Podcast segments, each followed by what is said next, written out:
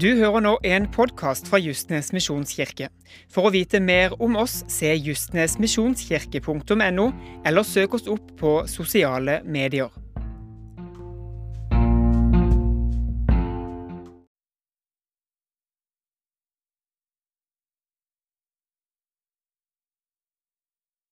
Så fint å se alle sammen. Er dere hatt ei grei helg? Veldig dårlig med andre ord, så lenge så responderer. Må jeg få lov til å hilse ifra Clemente Duran. Han har dessverre brukket foten. Det er ganske kjedelig å brekke foten. Jeg har ikke gjort det sjøl, men regner med at det er ganske kjedelig å gjøre det. Men han er lei seg for at han ikke kunne være her pga. det. Så husk gjerne på han i bønn. Han slapp heldigvis eh, operasjon, så det er bra. Men det er gjerne for han.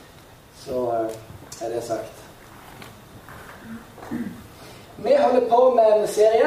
Den siste søndag i den serien som handler om eh, det å være i livsforvandlende kirke. Vi prater om de ulike verdiene til kirka. Og i dag så skal vi prate om de to siste verdiene, som er ekte og misjonal. Og i dag så skal jeg lese en ganske lang tekst, så vær så snill og ikke dett av allerede i tekstlesningen min. Lover du det? For det, skal, det er veldig bra det jeg leser òg, selvfølgelig. Og det skal jeg si etterpå. Det håper jeg er nesten like bra.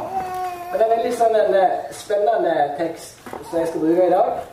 Og bare se for deg, for du skal være med her, se for deg at du er nede i markens når, eh, i denne teksten. Du kan ikke bare blunde øynene. Så kan du bare tenke deg at du er i markens, og så ser du at dette skjer. Så kan du tenke deg at du er Paulus i det som jeg skal lese nå. Klarer du det? Litt, litt sånn halvdau her. Jeg håper at det skal bli litt mer Litt skuffet over responsen, men det kommer seg. Jeg leser fra Apostelens gjerning kapittel 17, vers 16 og til og med vers 34. Der står det Mens Paulus ventet på den i Aten, eller i Markens, ble han rustet i sitt innerste over å se at byen var full av gudebilder. Det er ikke så mange gudebilder i Markens, men vi kommer tilbake til det. I synagogen førte han samtaler med jødene og dem som dyrket Gud. Og på torget snakket han med hver dag med dem som han traff der. Noen av de epikureiske og stoiske filosofene diskuterte også med ham, og noen sa hva er det egentlig denne pratmakeren har å si? Men andre mente han var visst en som forkynna fremmede guder. Det var fordi han forkynte evangeliet om Jesus og oppstandelsen. Da tok de ham med seg og førte ham til Areopagos og sa kan vi få vite hva for slags ny lære du kommer med? For det er merkverdige ting vi hører, og vi vil gjerne vite hva det egentlig dreier seg om. Verken atanerne eller utlendingene som bor der, bruker tiden til noe annet enn å fortelle og høre siste nytt. Og det høres ganske fint ut. Vi brukte ikke tid på noe annet enn å fortelle og høre siste nytt. Det er ganske avslappende liv. Godt sosiale medier ikke var da. Gå litt videre. Da sto Paulus fram for Areopagos-rådet og sa Atenske menn, jeg ser at dere på alle måter er svært religiøse. For da jeg gikk omkring og så på helligdommene deres, fant jeg et alter med den, med den innskriften For en ukjent Gud. Det som dere tilber uten å kjenne, det forkynner jeg dere. Gud, han som skapte verden, alt det som er i den, han som er herre over himmel og jord, han bor ikke i templer reist av menneskehender. Han trenger heller ikke noe av den som menneskehender kan tjene ham med. Det er jo han som gir liv og ånde, ja, til alt og alle. Og så tror jeg jeg skal hoppe litt, for dette er en ganske lang tekst. Så står det videre For det er i ham vi lever, beveger oss og er til, og som også noen av deres diktere har sagt, for vi er hans slekt.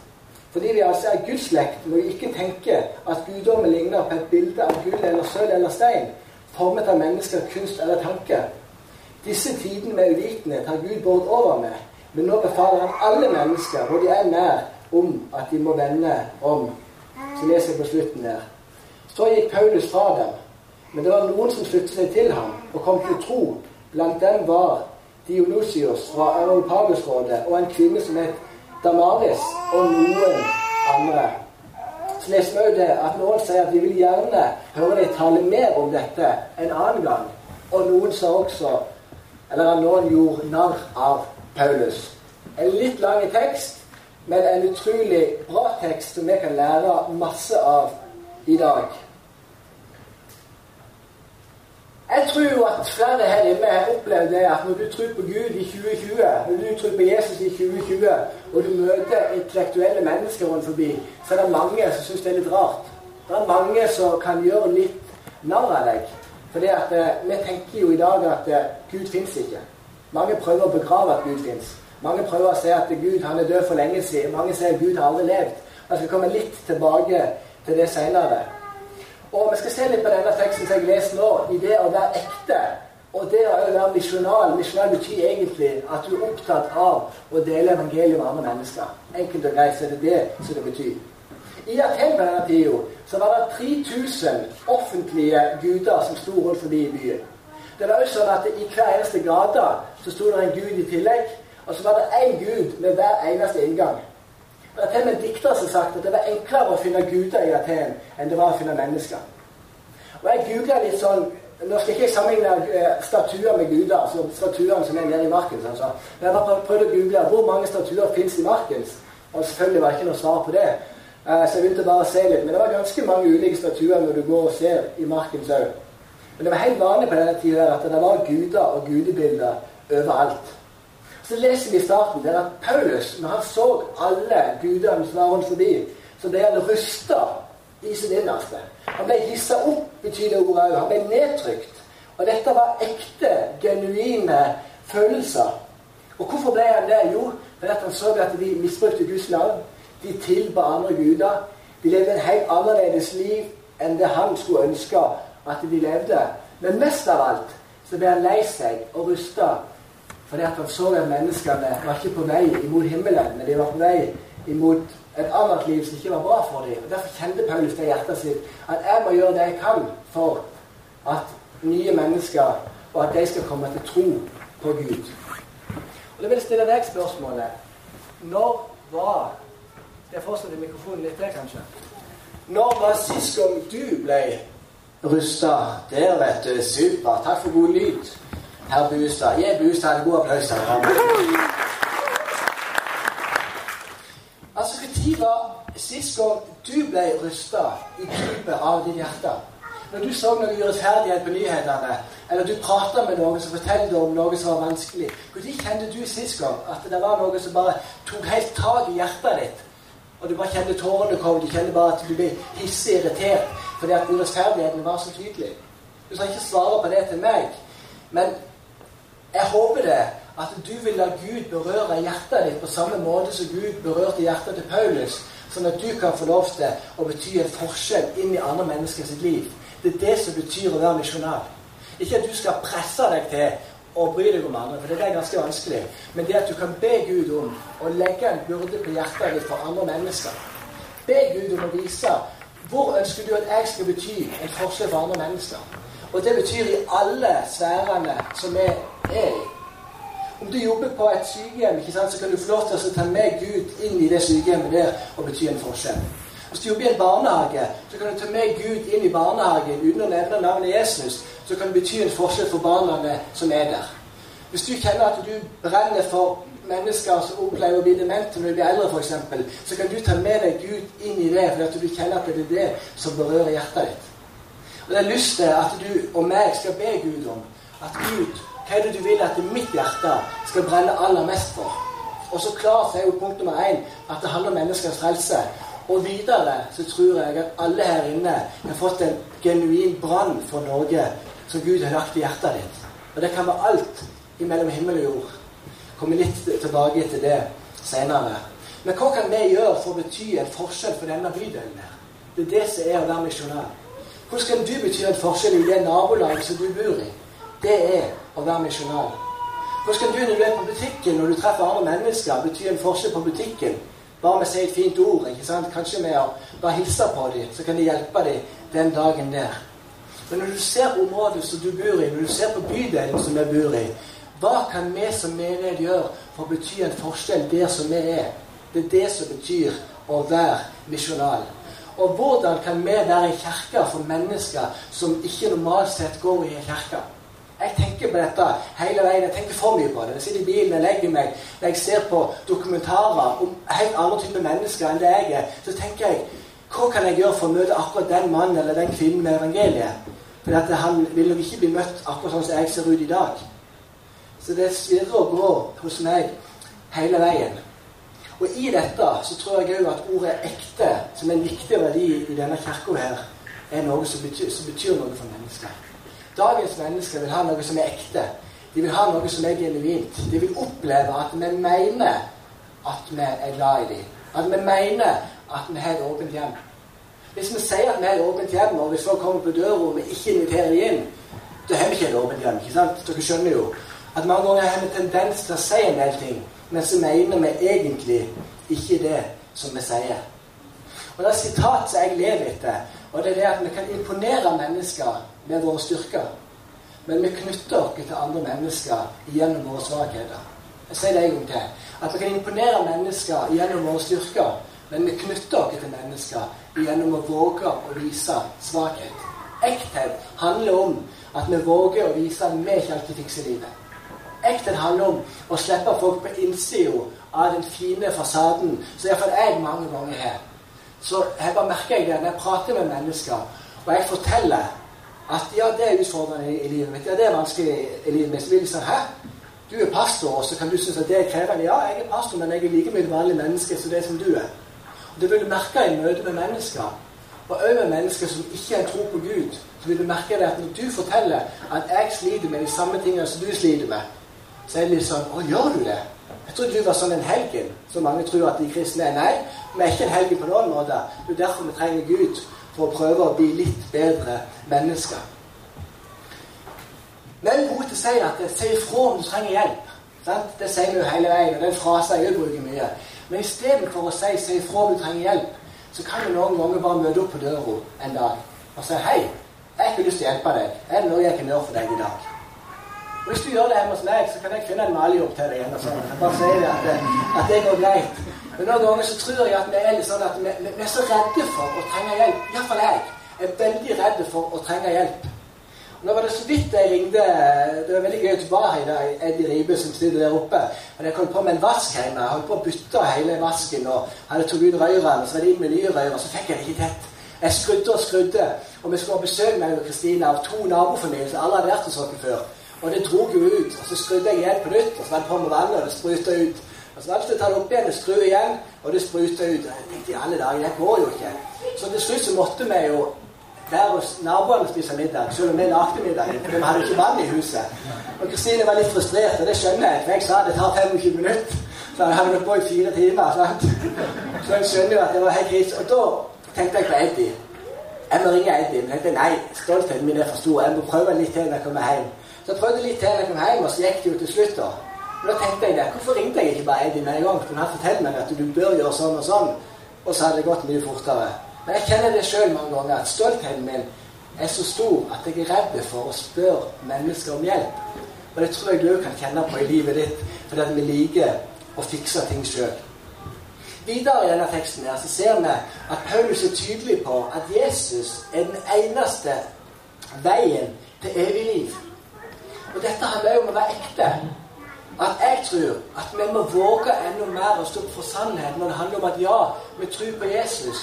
Og hvis vi tror på Jesus, så tenker vi at Jesus er den eneste veien til evig liv. Det er Bibelen veldig tydelig på. Men jeg synes mange ganger, jeg kan merke det sjøl, at mange ganger skal det bli veldig vag. Hvis en person som ikke tror på Gud, kommer til meg og spør Johnny, tror du at jeg ikke kommer til himmelen når jeg ikke tror på Jesus, så er det vanskelig for meg å si Nei, jeg tror ikke du kommer til himmelen da. Det syns jeg er vanskelig for meg å si, for det gjør vondt. Jeg ønsker så at han skal komme til himmelen. Så da kan en noen ganger bli litt unnvikende i svaret og si at ja, det kan jo være at det går greit. Men jeg tenkte med meg sjøl at selv jeg ikke trodde på Gud, og så, en, så spør jeg en person som tror på Gud ja, trenger jeg å tro på Gud for å komme til himmelen? Og så sier jeg nei, det går nok greit. Og så dør jeg en dag, så våkner jeg opp feil plass. Da hadde iallfall jeg tenkt at for en tulling som ikke sa til meg at jeg måtte tro på Gud for å komme opp der. Jeg håper han kommer ned her sammen med meg som straff for at han ikke vågte å være tydelig. Det hadde jeg tenkt. Hvis jeg ikke trodde på Gud da. Så jeg tenker det at eh, La oss våge som Paulus å være tydelige Alt i kjærlighet. Ikke for å skremme noen eller for å være stygge med noen. Det handler ikke om det. Men fordi vi ønsker at alle mennesker skal komme samme plass som vi tror at vi reiser. Ikke om du tenkt på det, men Hvis en, en vegetarianer hadde kommet til deg og sagt du, Går det an å være vegetarianer og samtidig spise kjøtt? Da hadde det enkelt for deg sagt nei, det går ikke an, det. For den er du vegetarianer, så betyr det jo at du spiser ikke kjøtt. Men så er det likevel sånn at folk spør oss ja, må vi tro på Jesus for å komme til himmelen. Så er vi veldig redde for oss å svare på det spørsmålet. Og da tror jeg at vi må våge å være ekte og si at ja, vi tror du må tro på Jesus for å komme, for å komme til himmelen. Selvfølgelig tror vi på en allmektig Gud som er større enn dere. Men skulle jeg satse penger på noe, så ville jeg satse penger på Jesus, og ikke bare gamble på at du kommer til himmelen uansett. ikke sant? Du kan gå tippe i Lotto, men vinnersjansen er vel 1-4 millioner eller noe sånt. Og jeg tenker at eh, den ville ikke jeg tatt der heller. Så la oss være litt sånn som Paulus, at vi våger å stå opp for sannheten. At vi er ekte og våger å være ærlige med mennesker. Selvfølgelig uten å skremme dem, men jeg tror at det vil skje noe i, i det møtet med folk. Videre er Paulus veldig opptatt av i den teksten her, av å forkynne evangeliet. At han ikke bare går i kirka, men han er ute på gaten i Aten. Og du trenger ikke gå på gaten der i markedet. Slapp av, du trenger ikke gjøre det. Jeg gjorde det en del i ungdommen som var ute på gaten rundt forbi, og jeg syntes det var krevende. Det var ikke min måte å gjøre ting på. Men jeg tenkte at jeg må bare gi gass, og det gjorde jeg. Og svært få mennesker kom til tro gjennom at jeg gjorde det. Men så ser jeg andre folk gjøre det, og mange kommer til tro. Men da er det fordi at det er noe de opplever at Gud har sagt at de skal gjøre. Men hvis, ikke du opplever at Gud har sagt det til deg, slapp av. Vær så snill og slapp av. Be heller Han om å legge noe på hjertet ditt, og så gjør du det som Han legger på hjertet ditt. Men jeg må si at du ser her inne, du har en historie. Du har en opplevelse av Gud. Du har vandra med Gud i kanskje 10-20 år. Du har noe å dele. Jeg tror ikke jeg var 13 år gammel eller 15 år gammel, og jeg var med mamma på møterommet forbi, og så var jeg evangeliesenteret på det møtet. Og du fikk av og til en følelse av at de prøvde å dra på den ene verre historien etter den andre. altså De hadde vært der og der. Det var helt galskap, det hadde jeg vært ute på. Og det er sterke historier. Og jeg tenkte da at ja, kanskje jeg må ut og leve det livet først. For å ha et vitnesbyrd å komme med senere i livet. Så la meg leve det livet der. Men heldigvis var jeg jo klokere enn som så. At jeg fant ut at nei, jeg må jo ikke det. Jeg kan dele det livet jeg lever med Jesus nå. Og jeg tror mange ganger at vi som har levd med Jesus alltid, og ikke hatt den der tida der vi levde ute eh, på en helt annen måte, at vi tenker at vi har ikke noe å dele. Men jeg må bare si at du har masse å dele. Jesus han levde aldri livet på en helt annen måte. Han hadde rimelig mye å dele, skal jeg bare si deg. Og vi kan jo lese om døperen Johannes. Han levde heller aldri et liv langt på kanten av det som sto i, i Guds ord da. Men han hadde utrolig mye å dele. Og jeg tenker det at du har masse å dele med det, med det livet som du har levd. Så vær frimodig med ditt vitnesbyrd når noen ber deg om å dele det. Gå hjem og øv på ditt vitnesbyrd, faktisk. Sånn at du er klar til å dele det når noen mennesker ber deg om å dele det. Så når jeg Eh, falt det ut for 10-15 år siden, eller for 10-12 år siden, så falt jeg mer til ro. At ja, Jonny, du må ikke ut og leve det livet der. Og så elsker jeg vitnesbyrdene. Det må jeg bare få sagt. Jeg elsker når mennesker lever trøblete liv, og du kommer til Gud. Jeg elsker vitnesbyrdene. Jeg vil ha de vitnesbyrdene. Men det er ikke en regel om at alle vitnesbyrd må være sånn. For det som jeg syns er like sterkt, det er når ei dame på 70 eller 80 år vitner og forteller at jeg er trygg på Jesus hele livet mitt. Det har holdt. Han har vært trofast. Han har vært med meg. Og da kjenner jeg at ah, det berører meg faktisk like sterkt så det å ha levd langt ute på sidelinja. Så han bare sier det at, at del evangeliet og bruk dine egne ord. Og bruk den historien som du har sammen med Jesus.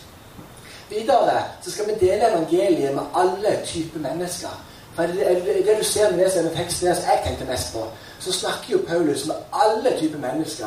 Først og fremst så snakker han med jødene. For jeg tenkte at det var enklest å gå til jødene, for de var jo veldig gudstroende fra før av. Og når ikke de kanskje ville ta imot evangeliet, så begynte han å snakke med de som dyrka Gud. Og det var folk som ikke var jøder egentlig, men som likevel ville tro på jødene som Gud. Så det som er videre om den generelle allmennheten, for det blir jo nevnt her, og det er de vanlige menneskene. Det er altså de vanlige menneskene som lever i Norge i dag. Det dagens mennesker. De var ikke så opptatt av livet etter døden. De var litt mer opptatt av å leve her og nå. De var opptatt av å passe inn. Jeg tror jeg kjenner ikke igjen i dette. De var opptatt av klær og stil. De var opptatt av hvordan de tok seg ut. De var opptatt av ting. De var opptatt av popularitet. Og de var opptatt av penger. De vanlige menneskene i Aten var det, når jeg leser sånn historisk på det. Og jeg tror alle egentlig kan kjenne seg igjen i det, for vi er jo opptatt av akkurat de samme tingene. Så leser vi videre om epikurerene, som stammer fra filosofen Epikur. Det var materialister. Jeg tror iallfall vi kan kjenne oss inn i når det handler om å være en materialist. Der det var en streben etter det gode liv.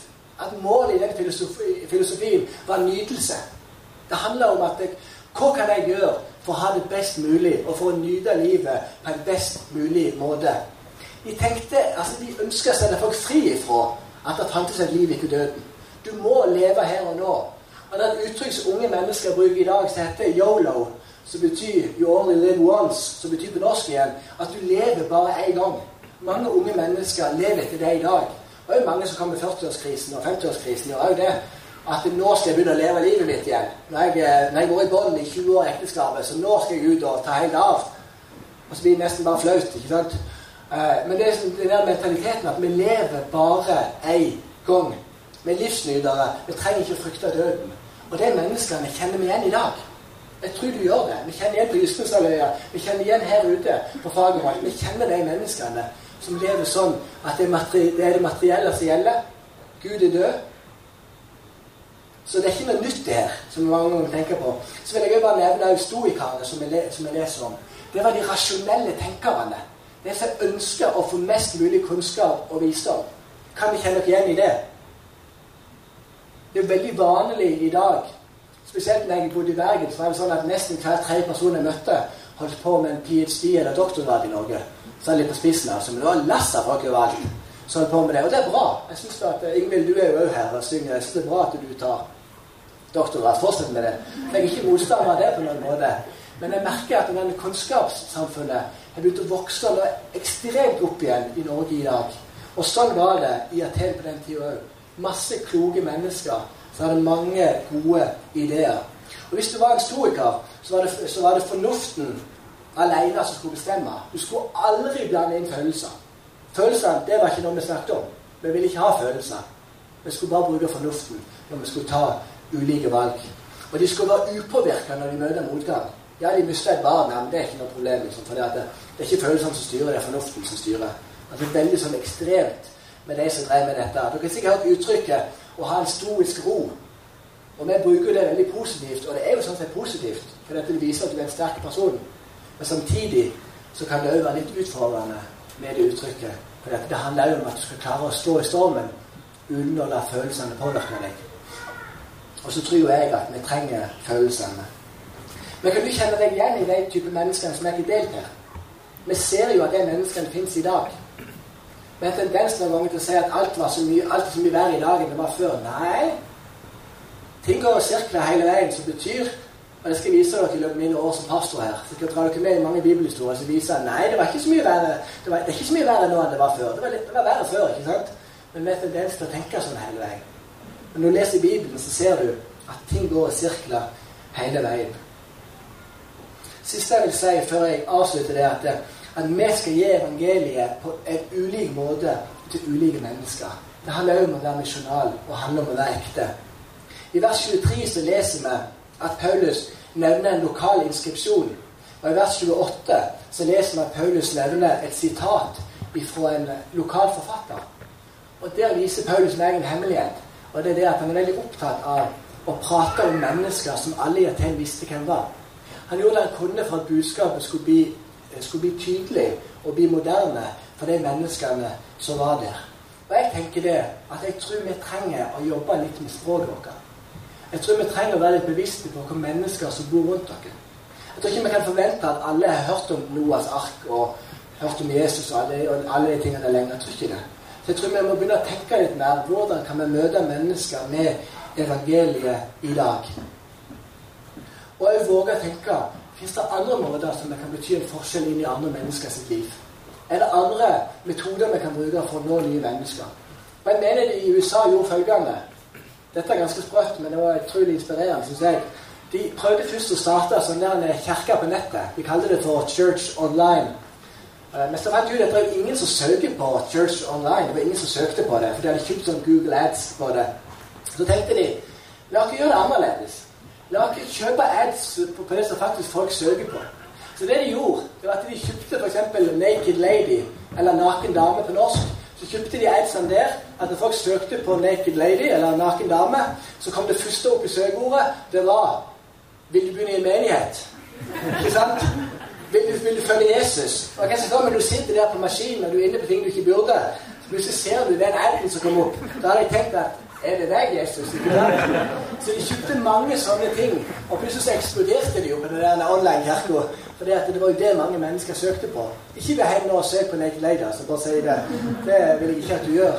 Men poenget mitt er at de våkner å være annerledes. Budskapet er det samme, men metodene endrer seg. Og jeg håper jo det at vi skal bli bedre på de ulike metodene. Vi må forstå det at noen mennesker syns ikke det er gøy å gå på gudstjeneste. Og da kan vi si Hæ, syns de ikke? Nei, det er noen mennesker som ikke syns det er gøy å gå på gudstjeneste.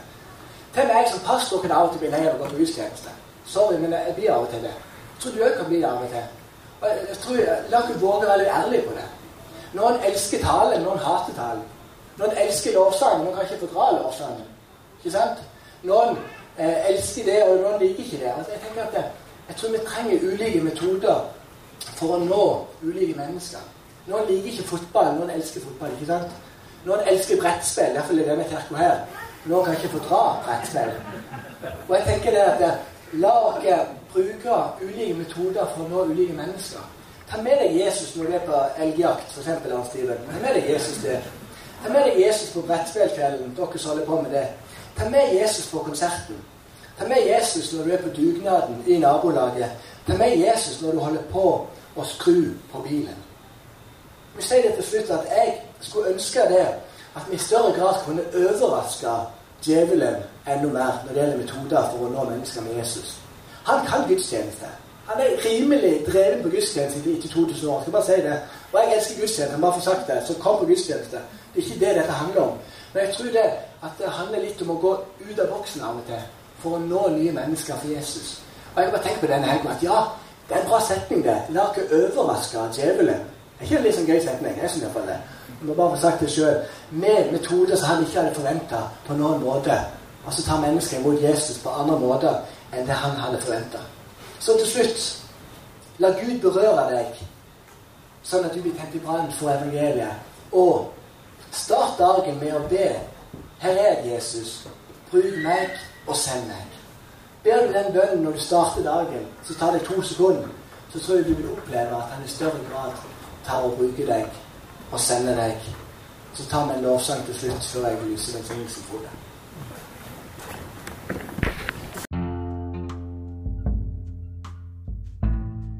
Du har nå hørt en podkast fra Justnes misjonskirke. For å vite mer om oss, se justnesmisjonskirke.no, eller søk oss opp på sosiale medier.